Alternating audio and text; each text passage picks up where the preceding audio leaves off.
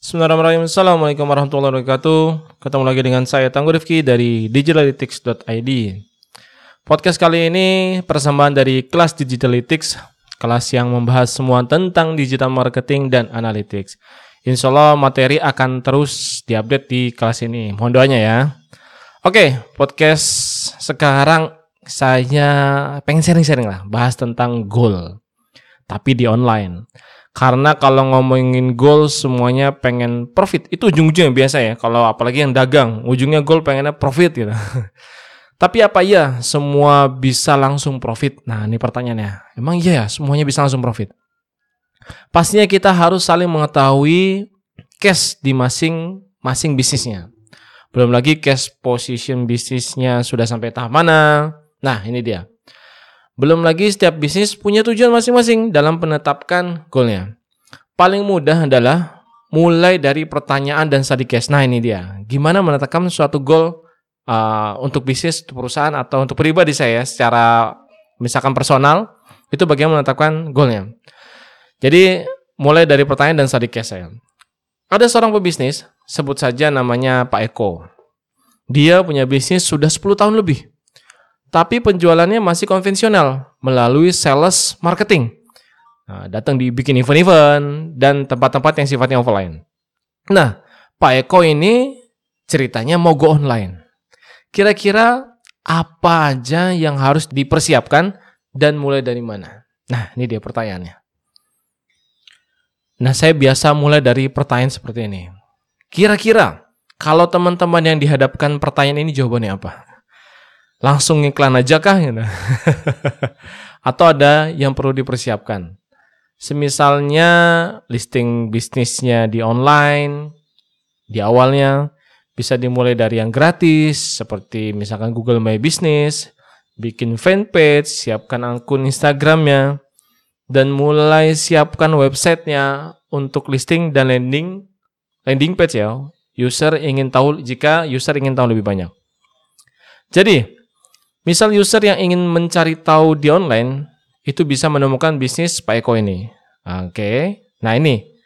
Misalkan case-nya kita bisa mulai melalui yang gratis-gratis baru bertahap saat user pengen tahu lebih detail kita siapkan website atau landing page-nya. Ini case-nya Pak Eko baru mulai online. Jadi goal-nya bisa ditemukan di online. Kemudian ada contoh lagi itu adalah Pak Budi. Pak Budi seorang pebisnis yang sudah memiliki Instagram followers sebanyak 10 ribu. Nah, kuartal 1 ingin menaikkan followernya menjadi 50 ribu. Kira-kira goal yang cocok untuk posisi bisnis Pak Budi ini apa? Nah, bayangkan dari pertanyaan ini. Jelasnya adalah pertumbuhan followernya. Nah, nanti ketemukan breakdown dan to-do listnya seperti apa jika ingin pertumbuhan followernya naik. Lagi-lagi dimulai dari pertanyaan.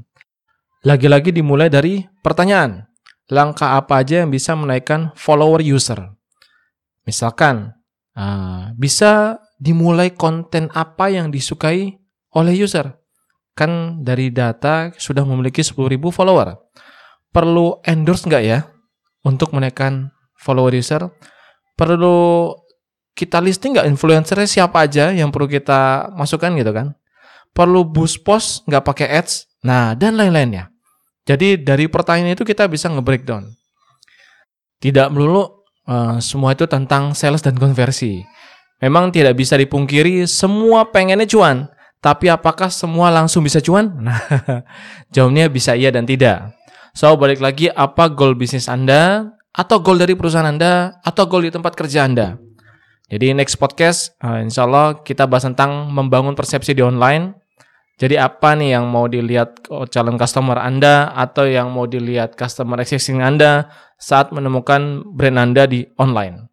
Ditunggu next podcastnya ya. Semoga uh, pembahasan singkat tentang goal ini, ini bahasnya ringan-ringan aja. Karena kalau bahas goal pasti banyak yang bahas tentang secara lebih terperinci, lebih mendetail.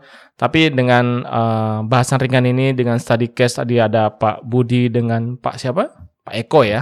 Nah, Pak Eko tuh goalnya dia belum Nah, dia Pak Eko itu sudah punya follower, yang Pak Budi tadi uh, baru baru baru baru mau mau naik, baru baru online gitu kan.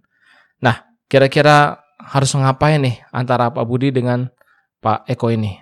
Nah, dari case itu kita mengetahui uh, goal itu ya semuanya pengen cuan, tapi part-part mana yang harus diutamakan lebih dahulu, posisi bisnisnya lagi di mana dulu. Nah, itu yang harus di set, yang harus ditumbuhkan. Akhirnya di online itu sudah ajlek gitu ya, baru kita ngomongin cuan deh. Atau ngomongin cuan dulu, kebalikan. Ah, peduli setan lah tentang brand, tentang strategi macam pokoknya harus cuan. Gimana caranya? Bebas, monggo. Balik lagi goalnya masing-masing bisnis teman-teman. Terima kasih, semoga bermanfaat. Assalamualaikum warahmatullahi wabarakatuh.